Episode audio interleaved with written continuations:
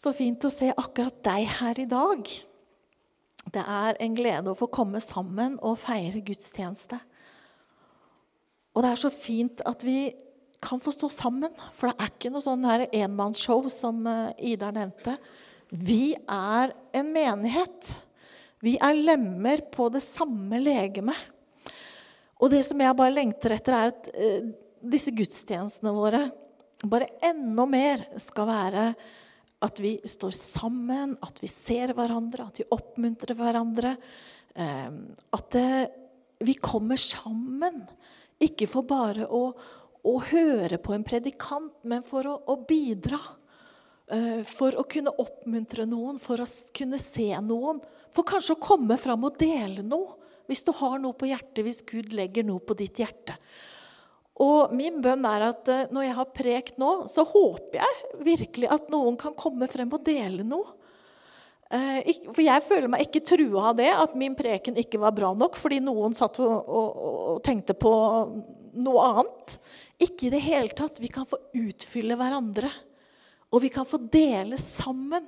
Da blir det en organisme som fungerer. Og det er det jeg kjenner at det er min bønn for dette møtet. At vi, og ikke bare for dette, men for menigheten. At vi kan få stå sammen og vi kan få dele med hverandre. Når dere kommer sammen, som Ida sa, så har den ene en salme, en annen har en lære, en har en tungetale, og en annen har tydning. At nådegavene får fungere, og at vi ser at legemet er i funksjon når vi kommer sammen. Er dere med på det? Ja, så bra. Og så kjenner jeg at jeg er så takknemlig for menigheten min. For jeg kjenner at eh, dere som sitter her, dere vil faktisk noe mer. Dere, dere vil gå videre med Gud, og det er så fantastisk. Det er en glede å få, å få tale til mennesker som du kjenner vil gå videre med Gud. Og det kjenner jeg at jeg er virkelig takknemlig over. Eh, det jeg skal tale om i dag, er en litt, er litt fortsettelse på det jeg prekte om forrige gang i eh, januar. Da var det jo ikke så veldig mange her, for det var jo så utrolig dårlig vær den dagen. Men den prekena ligger altså ute på, på, nettet. Og hvis du ikke har hørt den, så Ikke fordi jeg er så flink til å preke, men jeg tror at budskapet i den prekena eh, var bra. Eh, og Derfor vil jeg oppfordre til å lytte på den eh, på nett. Da snakket jeg om den troendes identitet og autoritet. Og I dag skal jeg snakke litt mer om det her med å utøve autoritet. For det sa jeg bare bitte litt på slutten av forrige preken. Eh, så egentlig skulle alle hatt den andre prekena litt sånn i bakhodet nå.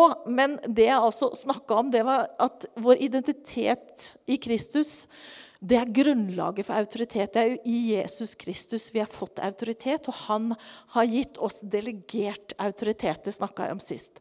Og snakka jeg litt om, eh, sammenligna litt med hvordan det er i samfunnet med dette maktfordelingsprinsippet. At vi har en lovgivende makt, en utøvende makt og en dømmende makt. Eh, og så eh, så vi på det at eh, vi er den utøvende altså Gud er den lovgivende makt, selvfølgelig. Og så har han delegert autoritet til oss, sånn at vi er den utøvende makt. Og så igjen så er jo Gud den dømmende makta. Litt sånn i forhold til at vi har eh, storting, regjering og domstolene i landet vårt. Sammenligna det litt med det. Det var veldig veldig kort fra sist, sist preken. Men jeg tenker det her med eh, å være den utøvende makt. da. Eh, Bibelen bruker dette bildet på, på legeme.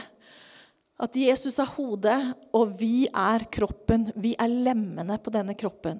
Og da er det jo sånn at det er jo, det er jo Hvis du tenker på vår egen fysiske kropp, da, så tenker vi med hodet. Vi tenker en tanke først, og så gjør jo kroppen det som vi tenker oppi hodet. ikke sant?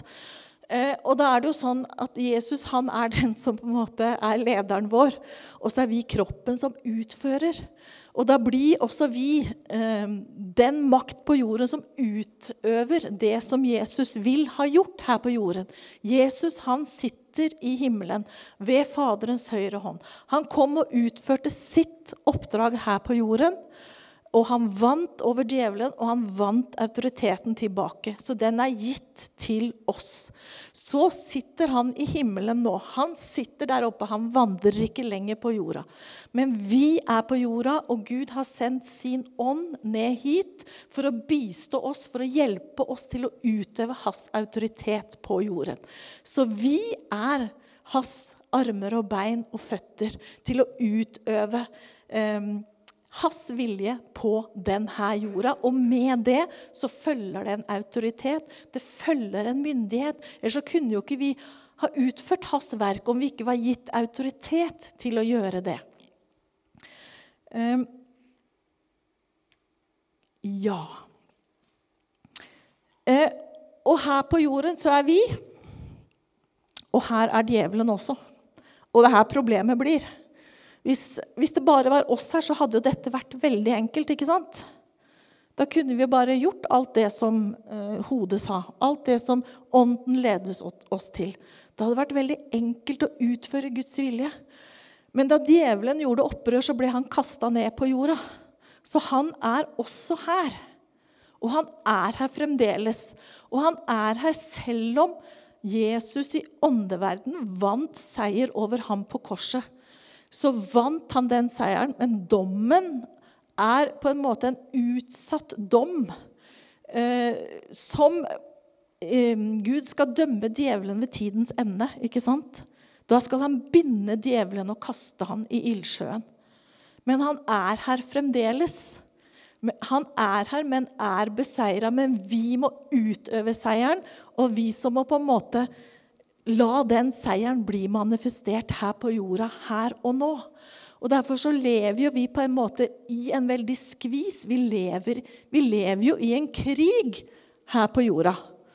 Og Det er ikke for ingenting at William Booth kalte uh, sin misjonsorganisasjon for Frelsesarmeen.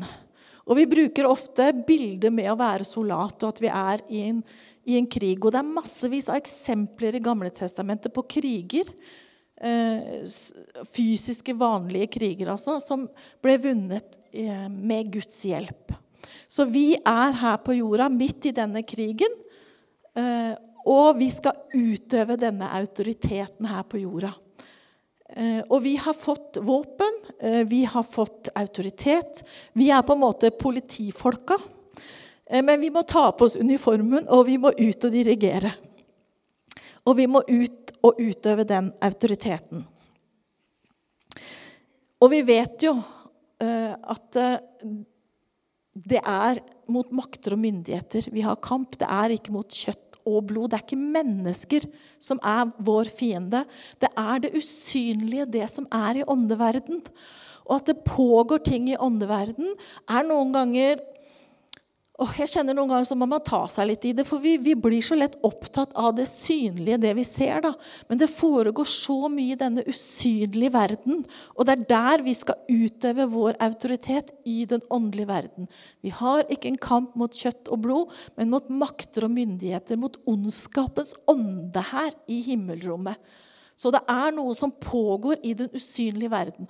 Og du skal vite det at før vi ser noe i den synlige verden, så har det skjedd noe i den usynlige, både på godt og ondt. Eh, vi ser jo hvordan, hva som har skjedd med landet vårt i løpet av de siste åra. Men det er jo ikke bare de siste åra dette har skjedd. I den åndelige verden så starta det for lenge siden. Og Det er derfor det er viktig å se eh, og arbeide i den åndelige verden, fordi det skjer alltid i den åndelige verden før det manifesterer seg i den synlige.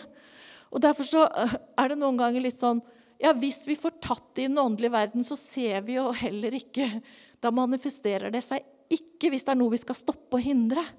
Og jeg tror at det er mye som har blitt stoppa og hindra i den åndelige verden fordi mennesker har bedt. Og fordi det har vært bønn eh, opp igjennom tidene, og kanskje var mennesker sterkere i bønn kanskje bare for 50 år siden. Jeg tror det var mer iver etter det her med å be og stå i tro for landet vårt, eller kanskje enda lenger siden. da. Eh, og er det noe som har skjedd de siste åra? Har vi, har vi sovna litt? Har vi falt litt av? Fordi det har gått så utforbakke med en del ting. Men vi skal ikke være motløse. Vi skal bare reise oss opp Å stå i den åndelige verden og utøve vår autoritet. Eh, og vi skal utøve autoritet. altså Det kan vi gjøre på flere plan. Nå har jeg bare satt opp tre plan, og det er bare noe som Siv Hege har uh, satt inn i et system. Men jeg har bare delt opp i tre for å gjøre det litt enkelt. Eh, vi må utøve autoritet i eget liv og familiens liv. Altså det nærmeste oss meg selv og de rundt meg. Så må vi utøve autoritet i forhold til menigheten som vi er en del av. Altså Guds folk, både den lokale menighet og Guds folk globalt. Og vi må også utøve autoritet eh, på samfunnsnivå. Eh, så tenker jeg at vi starter litt med eget liv. For det er kanskje det som er, nærmest oss. Det er kanskje det vi er, har mest nød for. Altså, du er deg selv nærmest. Og jeg tenker mange ganger um, Noen ganger så får jeg noen sånne tanker at å, jeg har så lyst til å gjøre så masse for Guds rike. Liksom, å, jeg har lyst til å preke for mange. Eller det er Ofte så har vi liksom tanker om, om, om, å gjøre noe veldig stort. ikke sant? Så, det kan se så fristende ut. Disse vil se synlige, ikke sant? Men så tenker jeg ja, men la meg nå først vinne seier i eget liv. La meg nå først skape frihet rundt mitt eget liv, rundt min egen familie, det som er helt nær meg. La meg ta alle de prinsippene jeg ser i ordet, og anvende de på eget liv. La meg vandre med ordet, la meg vandre selv og leve i tro i mitt eget liv, utøve autoritet i mitt eget liv. Og jeg tror det er så viktig at vi tar alt dette her på vårt eh, personlige plan først. Før vi kan utøve det eh, på, i et videre område. Så det, jeg kjenner ofte at det er sånn kampen rundt, på friheten rundt mitt eget liv.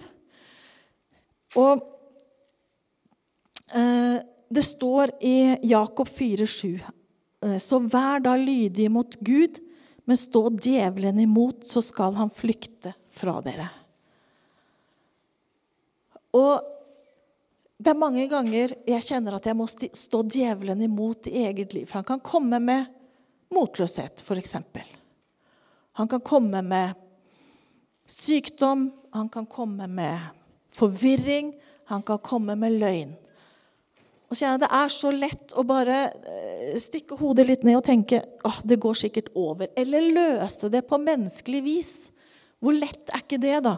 Og om du kjenner deg motløs, om du kjenner deg deprimert, så, så er det så lett å bare løse ting på verdens vis. Og jeg har ikke noe imot at vi, vi, benytter alle mulige ting for å løse et problem. Men jeg tenker at du må samtidig ta kampen i den åndelige verden. Vi skal ikke åndeliggjøre alle ting, men vi tar den der også. Eh, om, du, om, du, er syk, om du er deprimert, om du er forvirra, om du er slått ned, om du ikke har venner altså Uansett hva din utfordring er, så tenker jeg stå djevelen imot i det som kommer mot deg. Utøv den autoriteten du har fått eh, av Gud, for å jage det unna. Og når du har gjort dette, fått frihet rundt ditt eget liv, så kan Gud komme med Gjør det, gjør det. Og Han kan også si til deg oppsøk en lege, gå til en psykolog, hva som helst. Men det er så viktig at vi starter der, at vi utøver autoriteten i den åndelige verden og skaffer frihet rundt oss, rundt livet. Eh, og det er nok mye mer åndsmakter i ting enn vi gjerne vil vedgå og vil erkjenne og vil tro. Altså en, en fallgrøft er selvfølgelig at du ser demoner under enhver busk. Og det skal vi ikke gjøre. Men det er likevel en åndelig verden og noe som hele tiden prøver å trykke oss ned, som vil oss ondt. Og vi må ikke være blinde for den åndelige realiteten. Om du er motløs, så er det veldig ofte at det kommer fra en motløshetsånd som kommer imot deg. Og hvis du da tenker at jeg er litt motløs, nå setter jeg meg bare og ser på Netflix for å muntre meg opp litt så gir du egentlig djevelen rom i livet ditt. Gi han ikke rom, sier Bibelen. Ikke gi djevelen rom, men stå denne motløshetens ånd imot. Og da kan du befale en motløshetens ånd å gå. Fordi Bibelen sier han har ikke gitt oss motløshetens ånd. Og legg merke til den sier også ånd men krafts, kjærlighets og sindighets ånd. Og da ta disse bibelversene og bruke de og stå djevelen imot med Guds ord, tror jeg er veldig, veldig viktig. Og det er autoritet i Guds ord, og Jesus brukte Guds ord til å stå djevelen imot. Og da kan vi også gjøre det. Bruke ordet og stå djevelen imot. Og jeg vet at det er litt fremmed for en del, kanskje, å liksom snakke snakke til djevelen. For vi, altså, vi vil jo veldig gjerne henvende oss til Gud. Bønn er jo først og fremst til Gud. Eh, og det er alltid bra å be til Gud og si 'Gud, hjelp meg mot fienden'. Det er ikke noe feil i det. Men Jesus selv adresserte djevelen direkte. Ikke sant? Han sa 'det står skrevet', og han talte til djevelen. Han talte til og med eh, til Peter som om, fordi det var djevelen som snakka gjennom Peter og sa 'Vik bak meg, Satan'. Ikke sant? Så jeg tror det her eh, det er en litt sånn treningssak. Det her med å adressere djevelen direkte. Og noen ganger så tør vi kanskje ikke helt det, men det er ikke farlig. Det er ikke farlig å si 'Satan, vik bak meg i Jesu navn'.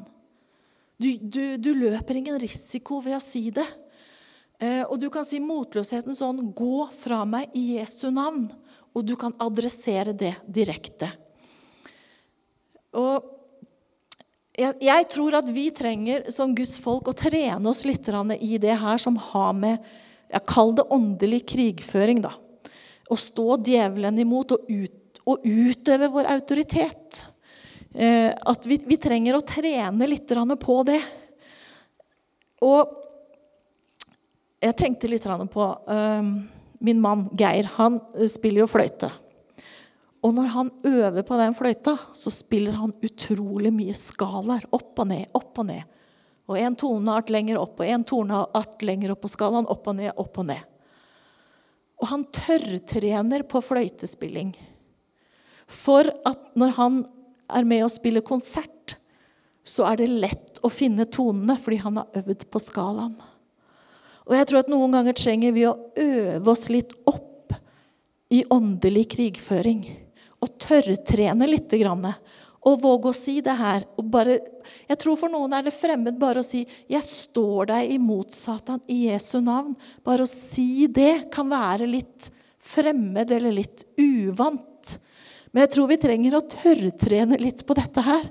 Og bruke våpnene. Du vet, En soldat får jo alltid trening. Og han trener på å skyte. Han trener på å bruke våpnene, og vi trenger også å trene på å bruke våre åndelige våpen. Trene på å bruke åndens sverd, som er Guds ord. Trene på å tale ut ordet høyt, for det er åndelig krigføring. Å bruke sverdet og tale det ut. Og Ofte når jeg ber, så proklamerer jeg en del Guds ord. Jeg kan gå og, og, si sånne ting som at ved Jesus sår har jeg fått legedom. Jeg har ikke fått motløshetens ånd, men krafts, kjærlighets og sindighets ånd. Jeg er over og ikke under. Jeg er hode og ikke hale. Alt makter jeg i ham som gjør meg sterk. Gud, du skjuler meg i din hytte på den onde dag. Du fyller alle mine behov etter din herlige rikdom. Altså, jeg går og taler ut, taler ut, taler ut. Og det kaller jeg litt denne tørrtreningen. Tale ut Guds ord. Det blir sånn skalaøvelser. Opp og ned, opp og ned. Og jeg taler det og taler det. Og så, en dag når djevelen kommer mot meg, så kjenner jeg at noe i meg våkner. Det står i Bibelen at vi skal hate det onde og elske det gode. Hate det onde og elske det gode. Det står i Amos 5. Så kjenner jeg at det er noe bare Nei!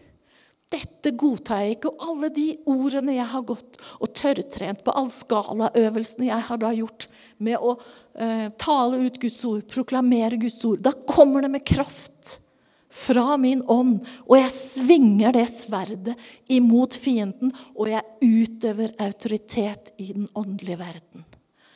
Og så bruker jeg navnet Jesus, det navn som er over alle andre navn. For hvert kne skal bøye seg i det navnet. I himmelen og på jorden. Hvert kne skal bøye seg. Og jeg har tro på den autoritet som Gud har gitt meg. Og jeg vet at når jeg taler det ut, så skjer det noe i den åndelige verden. Helt uavhengig av om jeg ser noe der og da, om jeg opplever noe der og da. Jeg har tro på den autoriteten som ligger i Guds ord.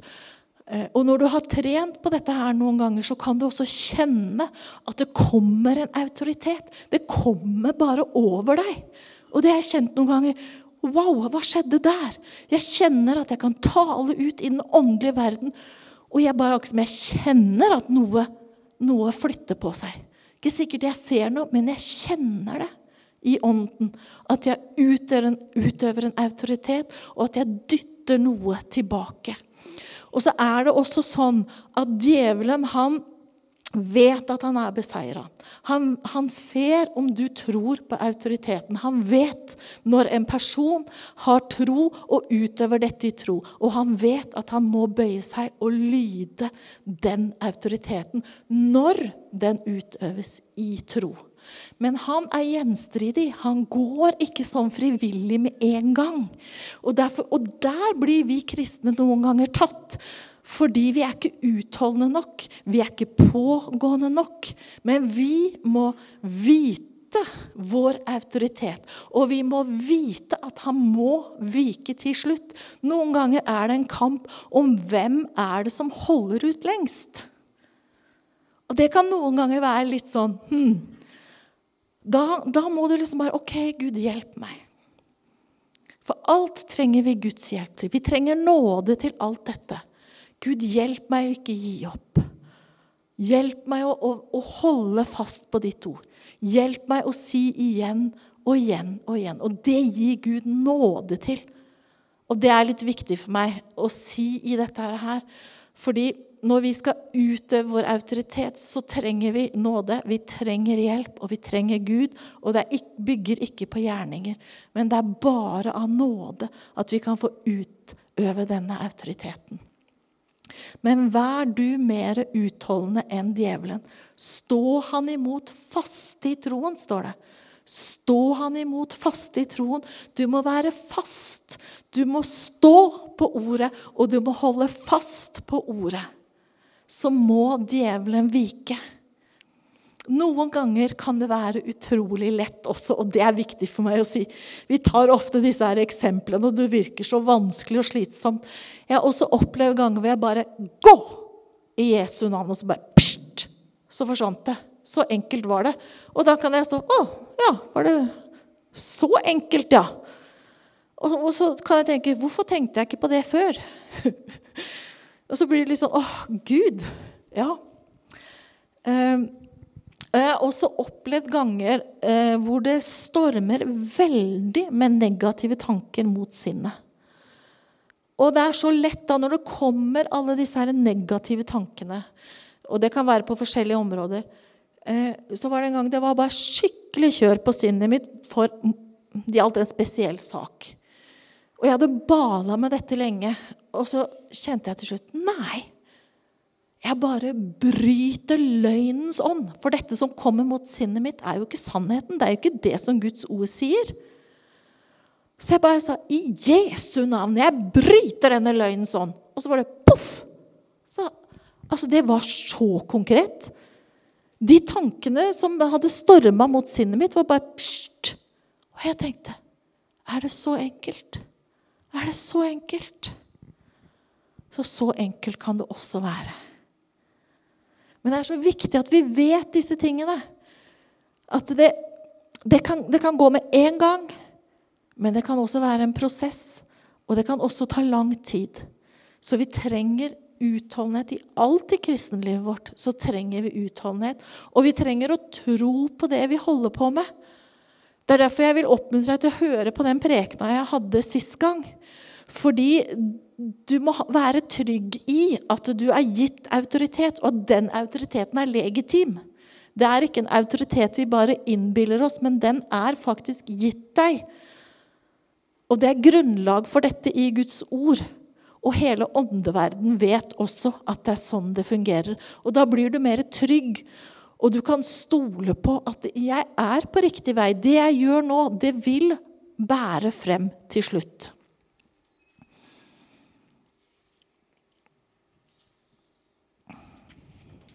Skal vi se Ja, og så er det det her med å be for familie. Det er noe jeg har jobba litt med, for du er så nærme dine egne. Jeg vet ikke om det er sånn uh, for dere. Men uh, noen ganger så kjenner jeg at jeg liksom glemmer litt å be for de nærmeste. Men det er noe som har jobba i hjertet mitt. Nei, jeg skal virkelig kjempe for min familie. Jeg skal kjempe for min ektefelle, for mine barn, de som står meg nær. Og da har jeg lyst til å ta frem et uh, bibelvers som står i Nehemia 4, 14. Nehemia 4, 14, der står det.: Vær ikke redde for dem. Tenk på Herren, Han som er stor og fryktinngytende, og strid for brødre, sønner og døtre, koner og hjem. Så strid for barna dine. Strid for ektefellen din. Strid for de som er deg nær. Be om frihet rundt de. Strid i den åndelige verden. Be om åpenbaringsånd. Be om at djevelen ikke skal få lurt de med sine løgner. Be om beskyttelse for sinnet. Be om at de får vandre på Herrens vei. Og så skal vi òg be for uh, menigheten og stride for menigheten også. For vi er lemmer på samme kropp. Vi er søsken. Om ett lem lider, så lider alle med. Så vi er kalt også til å stride for hverandre, utøve autoritet på, uh, for hverandre. På vegne av våre søsken. Uh, å stå djevelen imot for hverandre. Og det er ofte sånn hvis én person er i menighetene er nede, så kan vi andre få bære den personen, løfte den personen, stride i den åndelige verden for den personen. Og sånn så står vi sammen. Og når vi, når vi ber for hverandre, så tror jeg også at denne kjærligheten til hverandre vi vil kjenne når vi begynner å be. Guds omsorg, Guds nød, Guds barmhjertighet. Og da kan vi på en mye større måte få stå sammen og kjenne at vi er ett legeme. Vi ber og strider i ånden for menigheten, ber for pastor, ber for lederskapet. Og de som stiller seg fram, og pastor, som er øverste leder, er ofte også mye mer utsatt for åndelig angrep, fordi djevelen søker etter de som er på toppen. For man tatt de som er i lederskapet, så forvitrer alt nedover. Så det er veldig viktig å be og stride i ånden for pastor og lederskap. Så skal vi be for, for samfunnet og landet. Og vi lever jo nå i en helt skakkjørt verden. Man kan jo altså Mange av oss tror jeg bare rister på hodet. Hva er det som har skjedd de siste åra? Er det ikke to kjønn lenger? Altså, når Altså, hva skjedde? Bare den saken, da. Og vi hører på nyhetene om vold og drap hver eneste dag. Om ugudelighet. Ja, det er mange ting. Jeg trenger ikke å nevne det, for dere vet det. Og det er veldig lett at vi bare stikker hodet i sanda og håper at det skal gå over. Og jeg tenker sånn noen ganger òg at åh, Man kan lett bli litt motløst, for man tenker at det er jo så håpløst. At eh, Får vi gjort noe med dette? Man føler seg veldig maktesløs. Og så har man bare ikke lyst til å forholde seg til det. Og det er veldig lett å tenke sånn. Men jeg tror det går ut et kall til menigheten i Norge i denne tida. Altså, reis deg, Guds menighet. Stå på muren. Stå til beskyttelse for landet. Litt sånn her 'alle mann på dekk'-rop. Alle mann til pumpene. Mange måter å si det her på. Men det går ut et rop i åndens verden om mobilisering. Om mobilisering for landet vårt og samfunnet. Og det er menighetens oppgave å be for samfunnet og be for landet. Det er menighets oppgave. Og man kan kanskje si det også sånn at vi har eh, den regjering vi fortjener. Vi har de styresmaktene som vi fortjener. Fordi menigheten er gitt en autoritet. Og det er derfor man kan si det sånn at vi har den regjering vi fortjener fordi vi er gitt autoritet til å be. Det står at vi skal be for uh, konger og alle i høy stilling. Vi er jo gitt den oppgaven av å be. Og når vi er gitt autoritet på jorda som Guds menighet Det vi løser på jorda, er løst i himmelen. Det vi binder på jorden, er bundet i himmelen. Matteus 18, 18. Uh, og da da er det viktig at vi utøver denne autoriteten. Og så kan vi føle oss så litne, så små. Jeg hjelper det om jeg sier 'i Jesu navn, gå, Satan'. Det er derfor jeg sier du må begynne i ditt eget liv. Og trene opp din autoritet der. Du vet, David, før han tok Goliat, så hadde han tatt løve og bjørn på markene når han gjette eh, sauene for faren sin. Han hadde tatt kampene i eget liv før han sto frem og tok en offentlig kamp som befridde hele nasjonen fra filisterne. Så Derfor er det så viktig at vi tar kampen i eget liv og på den måten oppøver oss en autoritet. Og djevelen vil se at du har trent. Altså Han vil vike unna deg når han prøver å nå deg med et eller annet, og du kjemper tilbake. Altså, Hvem vil komme nær deg, Nina, hvis du hver gang bare jager djevelen vekk fra livet ditt? Jeg har ikke så lyst til å komme da, vet du, og ta deg. For da får vi disse demonene så juling. Og vet at Nina hun er en skikkelig kjempe i ånden. altså. Hun står imot. Og dette er synlig i den åndelige verden. Demonene de vet hvem det er som står de imot. Og de går Altså, de, eh, altså det er rang i den åndelige verden. De laveste i rang, de kommer nok mot oss alle. Men når vi jager de unna, så sender kanskje djevelen noen litt sterkere. Og så jager vi de unna. Og på den måten så oppøver du autoritet til å ta høyere åndsmakter. Så er det ingen som kan ta de høye åndsmaktene alene. og det, Her er det nok ting som jeg ikke vet nok om. Men det er også noe som vi kollektivt må ta, og så er det kanskje noe som bare Gud kan ta. Og jeg vet. Men det er så viktig at du lever i frihet rundt ditt eget liv. Proklamerer frihet. Jager djevlene vekk fra ditt eget liv og kommanderer det å gå i Jesu navn. Og når vi da kommer sammen og skal be for samfunnet, be for styresmaktene her i Bamble, be for skolene rundt omkring her, be imot denne ideologien som ødelegger barna våre, så kommer vi sammen, og vi har en stor kollektiv autoritet fordi vi hver for oss har trent hjemme. Vi har trent opp denne autoriteten i vårt private bønneliv. Og så kommer vi sammen, og så utøver vi en mye større autoritet og kan ta åndsmaktene som råder og regjerer i dette området. Og det mine venner, skal vi gjøre. Og vi i Betanias-hotellet er kalt til det. Vi er kalt til å be for Bamble. Vi er kalt til å be for de to skolene som er rett bak oss her. Vi er kalt til å be for barna våre. Vi er kalt til å stå på muren for det samfunnet som vi er en del av.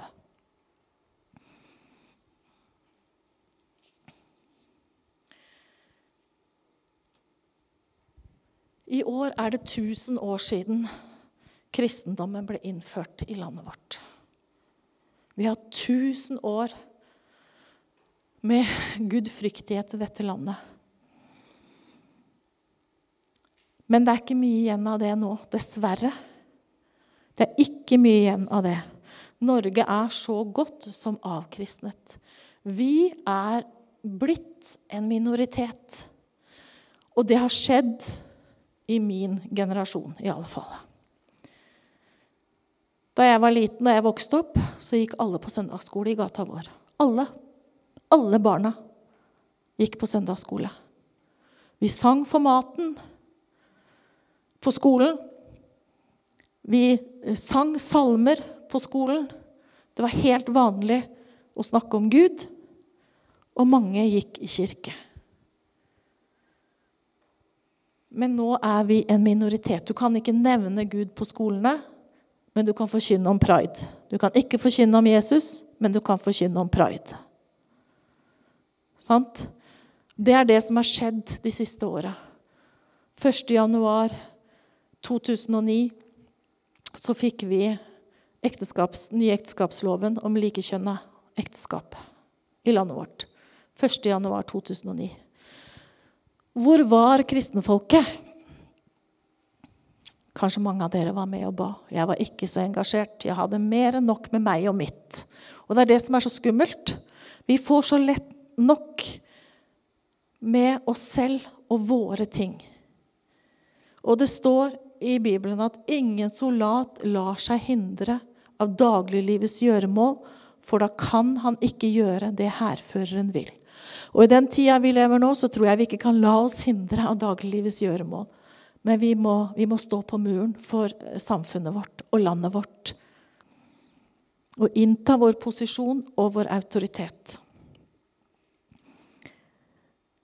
Men selv om vi nå er en minoritet i landet vårt, vi kristne, så skal vi likevel fatte mot. Fordi flere er de som er med oss, enn med fienden. Fordi vi har hele Guds engle her med oss. Selv om vi er få i antall nå, så tjener vi en stor Gud. Og det er vårt håp. Vårt håp er den guden vi tror på. Og vi kan se fra noen eksempler i Gamle Testamentet, med krigene der. Om de var i mindretall, så kunne de vinne over en stor hær fordi de vendte seg til Gud og søkte Han først. Når Gud er vår kilde, så kan utrolige ting skje. Kan ta eksempel med Gideon sin hær.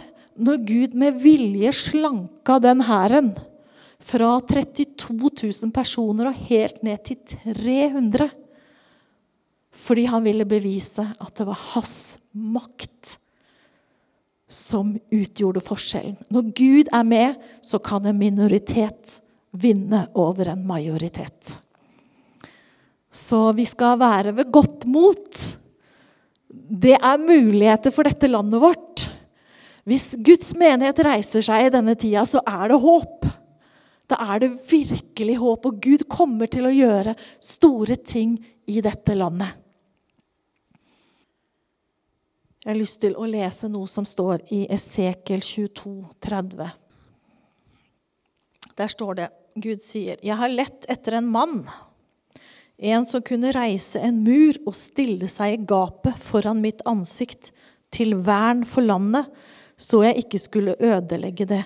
Men jeg fant ingen. Og jeg tenker noe så, noe så trist. Gud fant ingen som stilte seg i gapet eller stilte seg i revnene. da. Hvis du tenker deg en mur som er et vern, blir et bilde, da. men så er det noen revner, noen hull i muren. Og Gud sier, 'Er det noen som kan fylle igjen det hullet?' Stille seg i det gapet mellom der, sånn at fienden ikke får komme inn i det hullet gjennom muren. Og kan vi stille oss i det gapet? Kan vi stille oss i revnene? Kan Gud finne oss? Så ikke han sier 'Jeg finner ingen i Norge'. Jo, han finner oss. Han finner Betania Statelle.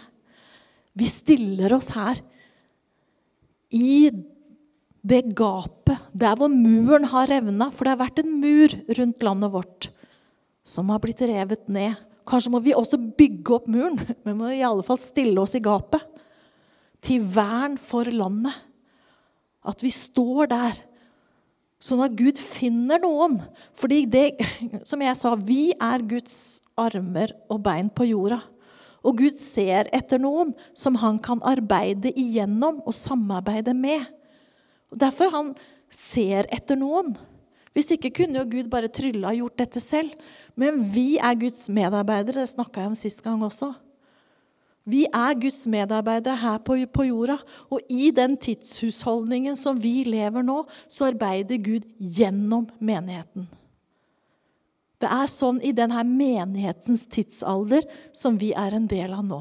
Når vi kommer helt til endens tid, så kommer Gud på banen og kommer til å gjøre ting av eget initiativ.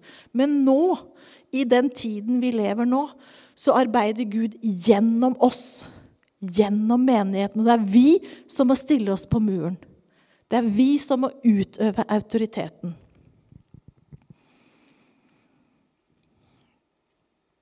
Og så i denne tida Vi kan alle være med å be, og alle kan vi være med å utøve autoriteten i den åndelige verden. Og det er min oppfordring i dag til alle.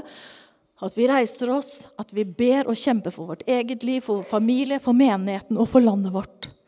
Og når vi gjør det, så vil det også reises opp mennesker med bestemte kall, bestemte oppdrag, bestemte oppgaver, som skal tale inn i denne tiden. Som skal utføre ting i denne tiden helt fysisk. Og være et redskap. Sånn som eh, David var da han kom og tok Goliat. Sånn som Ester var da hun var den som var kalt til å tale inn eh, til kongen og redde hele landet. Men på den tida så fikk hun hele sitt harem, alle damene i sitt harem, til å være med og faste og be. Men det var hun som gikk inn og talte med kongen og ba om alle disse her selskapene, tre fester etter hverandre. Og til slutt så kom hun med budskapet sitt. Hun var fylt av Guds visdom. Hun var sendt inn i en spesiell tid med et spesielt oppdrag. Og jeg tror Gud reiser opp sånne Estere, sånne Davider, eh, sånne Gideoner i denne tida med bestemte oppdrag til å utføre noe fysisk konkret i denne tida. Til å tale inn i storting tale inn i regjering, få forandring i politikken, inn i lovverket, til å reise seg opp og våge å være en røst i denne tida. Og det krever mot, skal jeg si dere. Fordi at eh, du taler virkelig mekka midt imot med å stå for sannheten i denne tida, som er så full av løgn og så full av forvirring og så full av forfølelse. Derfor er det så viktig at hele Guds menighet reiser seg og ber, så disse som er kalt og utvalgt til å gjøre disse oppgavene, oppgavene får reise seg opp. Vi ser at det reiser seg opp enkelte mennesker nå i denne tida. Vi skal heie på dem, og vi skal be for dem, og vi skal støtte dem. Utrolig viktig arbeid som disse personene gjør. Jeg kunne nevnt noen med navn, men jeg gjør ikke det akkurat nå. Um, og så er det noe som vi må be spesielt imot i denne tida, og det er forførelse. For hvordan, kan, hvordan, har vi kommet dit at det ikke lenger er to kjønn? Altså, hvordan har vi kommet dit, dere? Det er jo en enorm forførelse som er ute og går. Det har kommet ifra øverste hold i landet vårt, nedover, inn i skolebøker, inn Altså overalt. Det er på TV, det er i media, det er i skolebøkene. Og hvis du nå sier 'jeg tror at det bare er to kjønn', så reagerer jo folk. Og det er skummelt. Det er skummelt når det har kommet så langt, og vi har blitt så forført. Men Jesus sa at forførelse vil komme, men ved den det kommer fra. Det hadde vært bedre om den hadde fått en kvernstein om halsen og kastet på havets dyp. Så det er veldig alvorlig med denne forførelsen, og spesielt den forførelsen som rammer barna. Og det er skummelt dere, når man kan bli fratatt foreldreretten hvis man ikke går med på at barnet får en kjønnsoperasjon. Hvis et barn på, på ti år kommer og, og, sier at det, 'jeg lurer på, En jente, da. 'Jeg lurer på om jeg er gutt. Jeg vil begynne på hormoner.' Og hvis du nekter det, og hvis du nekter da en eh, kjønnsoperasjon senere, så kan du bli fratatt for foreldreretten. Og barnevernet har faktisk rett til å komme og ta barnet ditt. Og det er skummelt. Det er skikkelig skummelt. Og Jesus har utrolig omsorg for barna. Og vi trenger å reise oss i denne tiden for barna våre. Tenk om det rammer noen av barna i menigheten her som kan bli forvirra. Vi må be for dem. Fordi de går på de vanlige skolene her, og de hører denne undervisningen. Og tenk om noen blir tatt fra foreldreretten til barna her. Det er skummelt, og vi er nødt for å tale i denne tida. Vi kan ikke tie. Som Mordekai sa til Ester, hvis ikke du taler i denne tida, så vil nok utfrielse komme for, Israel fra annet hold, men over deg så kommer dommen til å komme. Vi er nødt for å tale i denne tida. Det er så skummelt, det som skjer.